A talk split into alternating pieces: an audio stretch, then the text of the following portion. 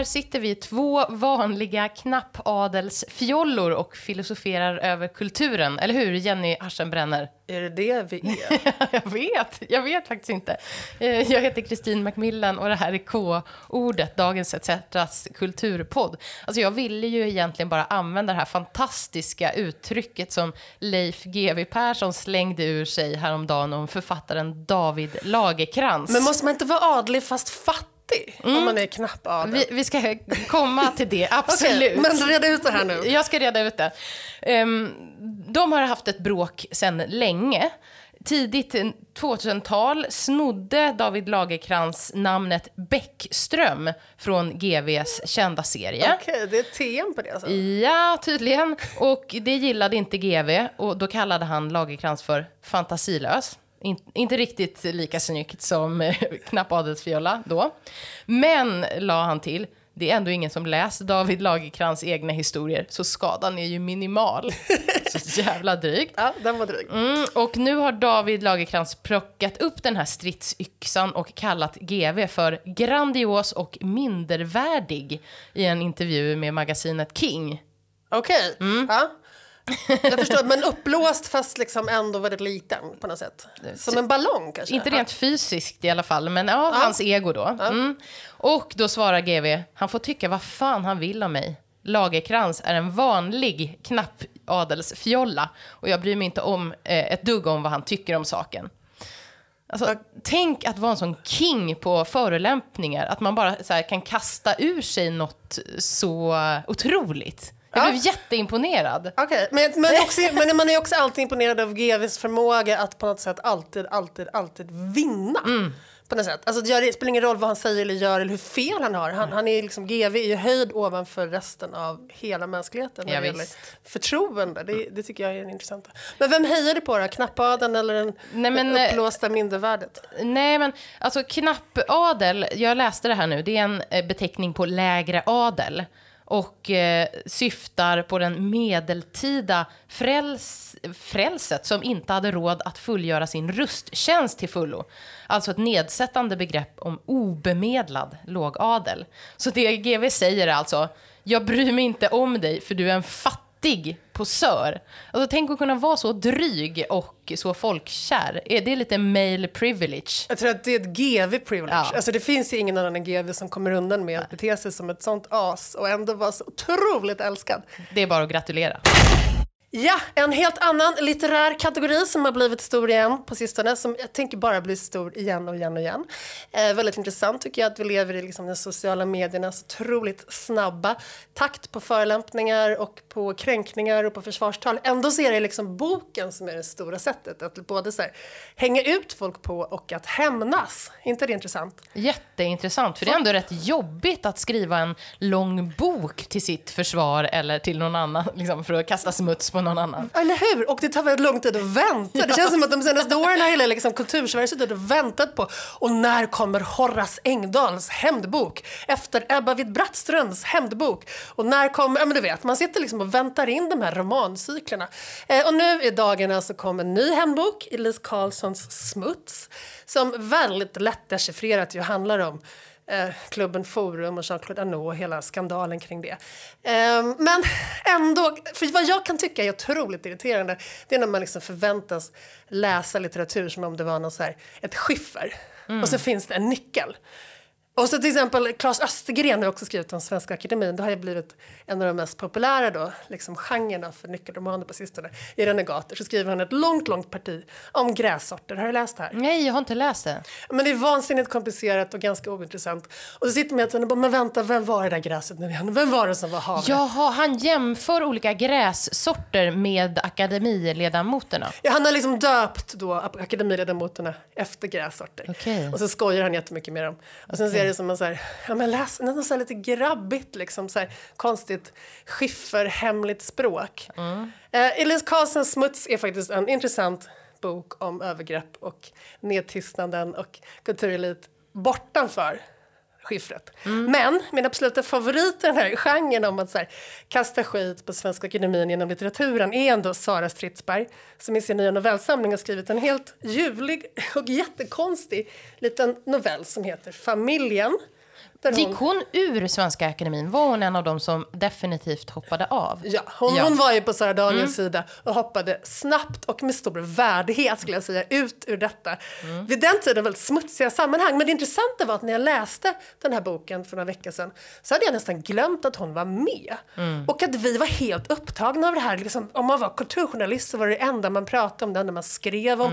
Och vad sa de nu? Och nu är det en ny presskonferens, ett nytt möte.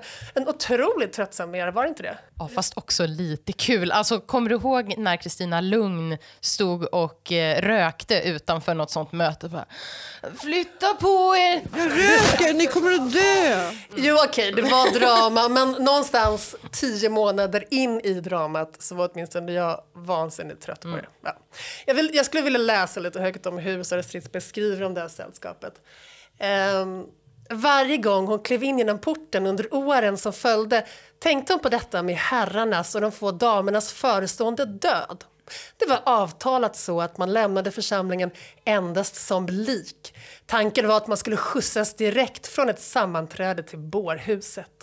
Hon såg ständigt dessa bårar framför sig som snart skulle lämna palatset med någon av dem. Som ett exempel. Det är, Oj, så här, Snyggt. det är så snyggt! Och bara ett litet citat till, sen är jag färdig. Det var mörka salar och uttråkade musor. Det var slottsmiddagar, hemligheter, kejserligheter, krusiduller och blod och duvsoppa. Kristallkronorna blänkte vilt, man knorrade och morrade inne i porträtten, dubbletterna rörde sig makligt genom salarna, skygga som fladdermöss i dagsljus. Man får ju bilden av att det är någon slags eh, he- hemligt, eh, en sekt nästan med vampyrer. Ja, och det är det som är så genialt. Att I hon är ju skittaskig mot Svenska Akademin men utan att man tvingas sitta med någon så här, oj oj, facit, Nej, vem är det här, vem är det här? förstår, ja. Man förstår precis ändå. Någon måste ju vara eh, gaming-expert i den här podden och jag tänkte att det skulle vara jag. Ja men gud vad skönt. Eftersom jag några intensiva år på slutet av 90-talet spelade väldigt mycket Snake i min Nokia 3310. Okej, jag, jag tror inte du kvalar in där, jag är ledsen. Tyst, förminska inte mig nu. Är du en gamer? Verkligen inte. Nej. Tyvärr. Jag hade, det hade varit skönt att kunna säga att man var det, men nej. Jag har läst att Ikea ska göra Eh, musikmöbler med Swedish House Mafia. Alltså det är den här trion med fistbampande killar med dadbod som heter saker som skulle kunna vara billigt rakvatten. Alltså Axwell, Angelo och Ingrosso. Det är ju tacky, eller? Ja, Förlåt. jo. Men, ja, eh, Gränslöst ja. så. Men säkert en enorm marknad, eller? Ja, jag vet inte. De vill göra citat något nytt och fräscht. Ja. Eh, tillsammans ska de i alla fall ta fram en kollektion som ska göra det lättare att producera, spela och lyssna på musik, läser jag i DN. Och då ska det här handla om att demokratisera kreativitet och musikproduktion, eh, säger någon på Ikea. Och då känner jag att det här är liksom lite inflation i ordet demokrati. Efter, Ja. ja Okej. In- va? inte, ja, men för att det här liksom görs ju av ett företag som regelbundet kritiseras för att de har så usla villkor och eh, säljs i butiker som liksom, Ikea på många platser i världen förbjuder att de anställda är fackligt engagerade. De har liksom spionerat på anställda som, och anlitat privatdetektiver för att registrera om de anställda ägnar sig åt politisk eller facklig verksamhet. Demo- så kommer de med så här, demokratiska musikmöbler. Nej men, Och sen är det, också, är det inte också en otroligt så här, sorglig senkapitalistisk typiskhet att man så här, säger demokratisera när man säger så här, konsumera den här helt jävla onödiga produkten för att du ska kunna göra det du ändå kunde göra redan innan du konsumerade den här onödiga produkten. Jag menar, du kan sitta vid det här skrivbordet som är ett helt vanligt bord med fyra ben och skapa all musik du vill, eller hur? Mm. Ja, verkligen. I alla fall så ska det göras eh, demokratiska musik och gamingmöbler. För redan i år kommer också en massa produkter lanseras som gamingbord och stolar, alltså accessoarer, nackkuddar och mobiltelefonhållare som ska göra långsittningar möjliga. Inte det? Men det, det fattar man ju att det blir ett problem om man sitter där länge. Ja, men jag då som har en 12-åring som gärna gamer i 12 timmar om man inte stoppar honom känner så här, alltså jag skulle hellre sätta honom kanske på en spikstol eller någonting så fick honom att resa på sig, eller hur? Jag vet inte om jag skulle vilja ha så här ultimera, optimera hans sitt eh, förmåga. Det är kanske inte Jättesmart. ditåt jag strävar. Du, du kan byta jobb och bli produktutvecklare nu, hör jag. Nej, men det som jag reagerade mest över var att eh, Guardian skriver också att eh, Ikea ska få fram fler produkter som är tänkta att riktas mot kvinnliga spelare. För de sägs idag utgöra 46 procent av alla spelare. Eh, och då kanske man tänker så, så här, åh vad fint, rosa snurrstolar som är jättesmå för kvinnornas små pytte, pytte ben. Eller så här, bord med inbyggda bh eller? Vad? Tjejgamingstolar, det är en skitbra fråga. Vad är det för någonting? Har du fått reda på det? Nej, jag har ingen aning. Men det, jag har ett förslag. Och det är att Ikea bygger in en kontroll i gamingborden som ger de kvinnliga gamarna möjlighet att skicka elchocker till sexistiska motspelare som kränker kvinnor i dataspelsvärlden. Så man inte ens kan, behöver reagera på det själv, man inte behöver läsa skitkommentarerna utan det bara med automatik. Det, El- det, är- det är genialt. Elchocker, det är nytt och fräscht och demokratiskt för mig. Ja, äktenskapet är ju ständigt aktuellt. Men extra mycket kanske just nu och problemen i äktenskapet eftersom den klassiska svenska tv-serien av Ingmar Bergman Scener från ett, ur ett äktenskap har fått en amerikansk remake, Scenes from a Marriage. Guy Levi, en israelisk regissör som har gjort den. Oscar Isaac och Jessica Chastain, sa jag det rätt nu, Kristin? Jajamän. spelar huvudrollerna. Ehm, och den har börjat visas på HBO. Hur, vad tycker du om det här?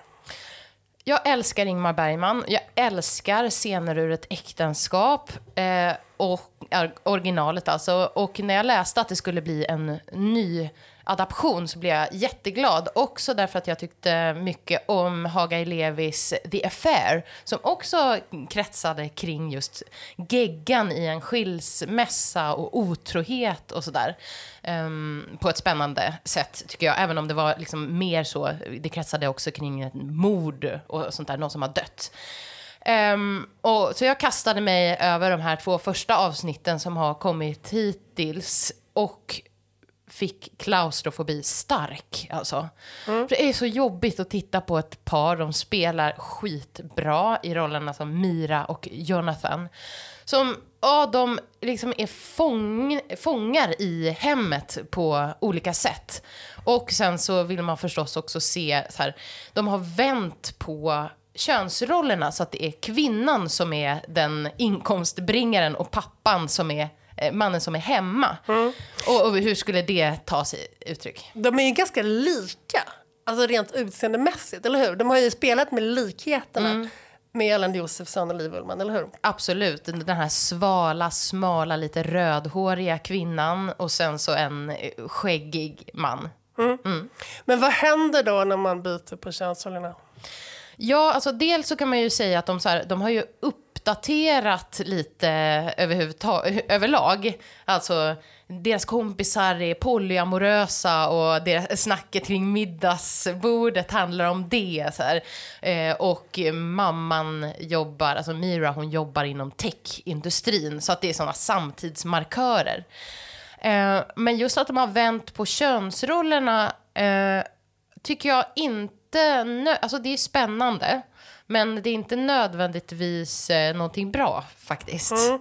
Nej, men jag funderar också jättemycket på det. För dels, jag tänker på det du säger med klaustrofobin, att det är någonting att det är så fruktansvärt eh, långsamt och stillastående. Men är det liksom så här hur serien är gjord eller är det den här typen av äktenskap som är det klaustrofobiska? Vad tänker du? Är det liksom... Både och. Nej, men det är att det är bra gestaltat som gör att man känner så. så här, Herregud, där är en tryckkammare. Och, vi, och så här, teatern ni spelar sinsemellan och utan att nå fram till varandra.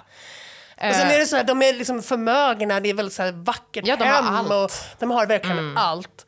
Eh, och sen så går de runt i det där och sen så då i första avsnittet så är de fortfarande så här vänliga med varandra. Mm. Fast det finns en så här konstig slöja framförallt framför hennes ögon, eller hur? Eller någon sorts konstig så här, Verkligen. som en, en slö, ja, slöja mellan dem. Men det är ju hon som är eh, den mest utåtriktat missnöjda.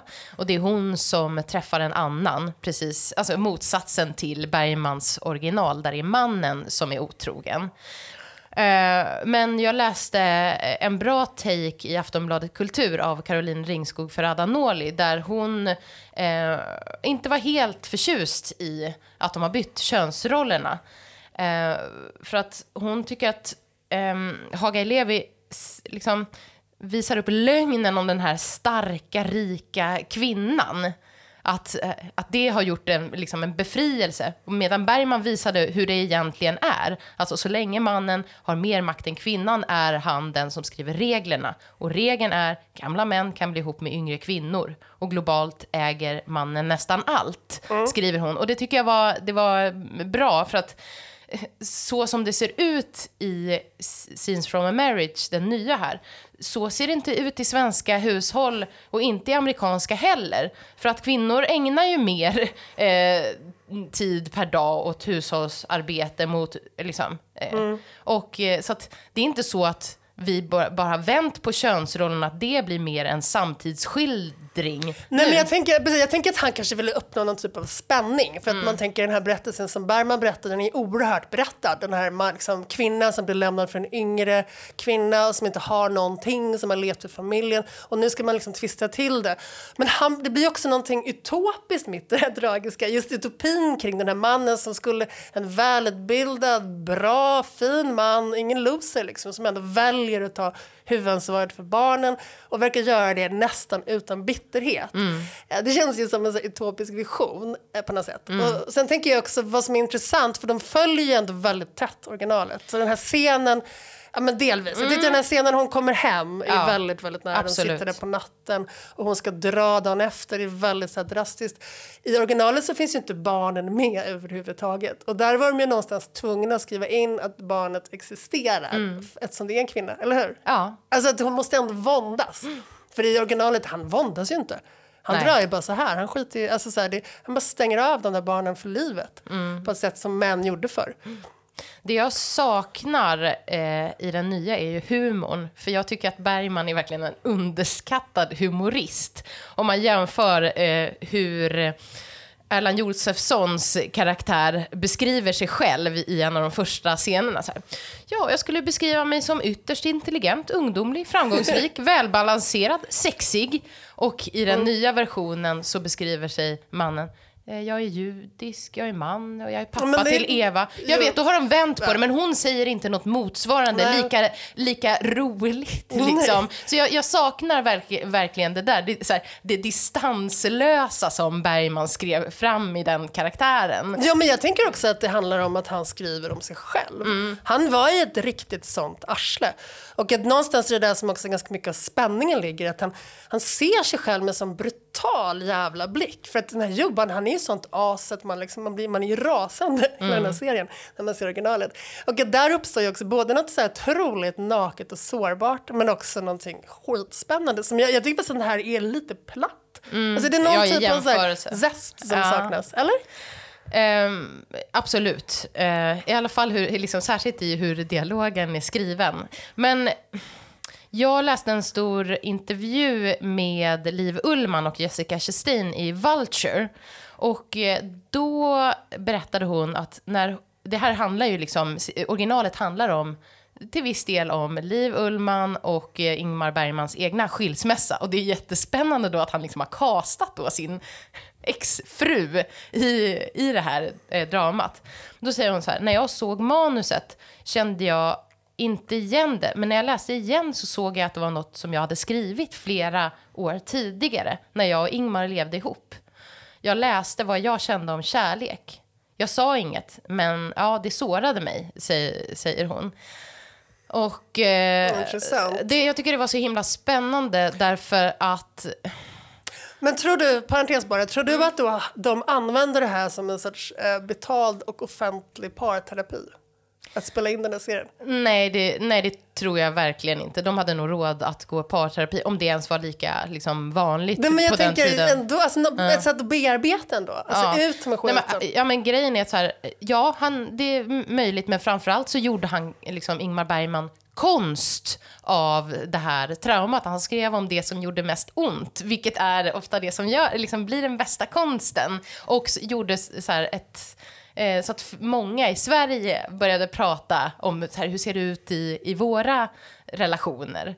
Ehm, men, men jag tycker det var spännande att så här, hon ses som, ja hon är skådespelaren, det är han som är geniet. Och eh, samtidigt så får man veta i efterhand så här, hmm, han kanske tog någon av hennes idéer där, till och med någon av hennes liksom, texter och att han inte hade frågat om det. Ja, eh, det tycker jag var lite svinigt om jag ska vara eh, ärlig. Och du, Förutom att det måste kännas så oerhört märkligt att liksom filma, filma med sin exman. Men det är liksom heder åt henne att, eh, också att liksom de gjorde det. Det måste vara en urspännande konstnärlig process just därför. Ja, men jag tänker att det, är, det märks på något sätt. Ja. Att det gör så jävla ont. Mm. Liv Ullmann är ju helt jävla suverän i den här rollen. Och att det är någonting så helt nästan genomskinligt sårbart utsuddat i henne. Liksom, att det är någon så här, hon är liksom upptryckt i en närbild och det gör så jävla ont och det syns verkligen. Men det är klart att ja, om, om han nu har snott hennes ord så är det, vad ska man säga, ett klassiskt manligt genibeteende, eller? Ja, nej men eh, precis för jag kom också att tänka på det här när, när jag såg den här nya dokumentären om Lena Nyman. Lena heter den. Och där är också sånt eh, väldigt känt förhållande mellan en regissör, i det fallet eh, Vilgot Sjöman och eh, Lena Nyman. Och eh, de träffas när Lena Nyman är så här 19 typ, Vilgot Sjöman, han är etablerad och dubbelt så gammal. Och eh, sen behandlar han henne som ett svin, viktmobbar henne, säger att hon bara är snygg när hon väger under 50 kilo och så vidare. Men så småningom så börjar de då samarbeta kring Nyfiken-filmerna.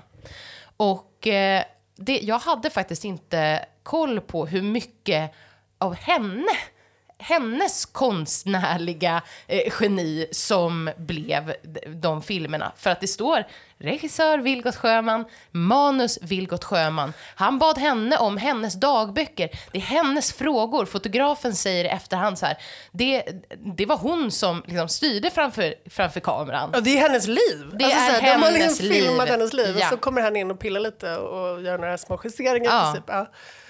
Och, och så är det han som fick miljonerna också. Medan ja, hon blev viktmobbad, eh, hånad för sin dumma och ointelligenta kropp och fick eh, liksom ett liv, en livslång ätstörning på kuppen. Och att, eh, alkoholism. och- som alla hennes bantningskurer innehöll vin tre gånger om dagen. Är Helt bisarrt. Men apropå Ingmar Bergman så kallar ju faktiskt han henne för geni. Det är ändå fint. I filmen finns det citerat att när han ser henne på, i klipprummet så Ja. säger han där ser, så här ser ett geni japp, ut. han, Det är en han väldigt såg... vacker liten scen. Undrar om de samarbetade? Nej men det gjorde de ju. De samarbetade i Höstsonaten? Höstsonaten. Så Ja, är det. Och det är när det. Mm, han klipper den som han säger det med henne. Så ja, här ser alltså en otrolig ut. Ja. Så han kunde i alla fall känna igen ett annat geni. Men en sak som jag verkligen drabbades av när jag såg den här dokumentären det är ju det här att alltså Lena Nyman blir fruktansvärt illa behandlad av pressen och man helt skamlöst sitter, även kvinnliga reportrar säger så här jaha, hur länge har du varit mullig då? Eh, och när kom du på att du var mullig? Alltså som en självklarhet på ett sätt som faktiskt är också, apropå det vi pratade om tidigare, helt otänkbart idag att liksom adressera det som så här, ja men du är ju det och det är ju fel. Ja. Eh, och det är någonting med den här tiden som är så intressant, slutet av 60-talet, början av 70-talet. För att kvinnor har liksom börjat identifieras som riktiga människor som ska få vara med i offentligheten. Man påstår att de ska få vara det, samtidigt som de är så otroligt illa och hårt åtgångna. Att det är någon dubbelexponering, att liksom, ja men vi låtsas som att ni är med på lika villkor. Fast hela tiden så drar vi under mattan för er. Att det måste varit fruktansvärt på ett sätt att försöka kliva ut i världen som en fri kvinna på den tiden. Jo, men jag tycker att det är en annan grej som är spännande är att Haga Elevi i scener ur ett äktenskap. Han verkar mm, vilja säga att vi tar lite för lättvindigt på äktenskapet nu för tiden. Att folk skiljer sig liksom lite för snabbt. Fick du den känslan? Mm, jag, har, jag har läst intervjuer honom säga det. Eh, och det är ett lite plötsligt hopp mellan en helt okej, kanske lite småtrist borgerlig tillvaro till så här, jag måste dra, jag lämnar imorgon, jag lämnar mitt barn, jag sticker till Israel. Alltså ändå, tycker jag, i den här, i den här serien. Då. Eller så kanske man reagerar på det mer för att hon just är kvinna. Ja, att, men det är ändå som att hon har en så obändig känsla av att jag måste förverkliga mig själv och känna friheten. Att det, jag tänker för min erfarenhet av skilsmässor, min egen och andras, det är att de ofta föregås av ett jävla helvete. Där folk har liksom nött och blött och slitit och dragit, inte minst i Stockholm där man inte kan flytta isär. Så man har gärna bott ihop två år efter att man egentligen mentalt gjort slut. Så lättvindigt är nog inte liksom mitt intryck av moderna skilsmässor. För det här, hon, liksom, hon förverkligar den här klassiska så här, mansrollen av så här, men jag bara drar iväg, jag behöver ingen, jag behöver, behöver inga band, jag, liksom, den grejen. Och den är ju arslig. Men jag vet inte hur vanlig den är bland så här, gifta småbarnsfamiljer om man ska vara alldeles uppriktig. Because I'm worth it-feminismen brukar inte ta just det uttrycket kanske. Nej, Nej. det sitter fortfarande sjukt Ja, långt även, inne. även om vi liksom idag har en kapitalistisk syn på relationer och på kärlek och, ja, och så Ja. vidare i ett Tinder slit och släng-samhälle där man alltid kan jaga någon ny. Så, så just när det gäller familjelivet så nej, jag, jag håller med. Jag, tror inte, jag håller inte riktigt med. You're worth en spa-weekend. och eh, typ rutavdrag och städhjälp. Ja. Men inte att dra från dina barn. Och med de orden så säger vi tack och hej från K-ordet den här veckan. Och nu finns vi faktiskt som egen feed i olika poddspelare. Så sök på poddens namn, K-ordet, och lyssna på oss nästa vecka. Vi hörs.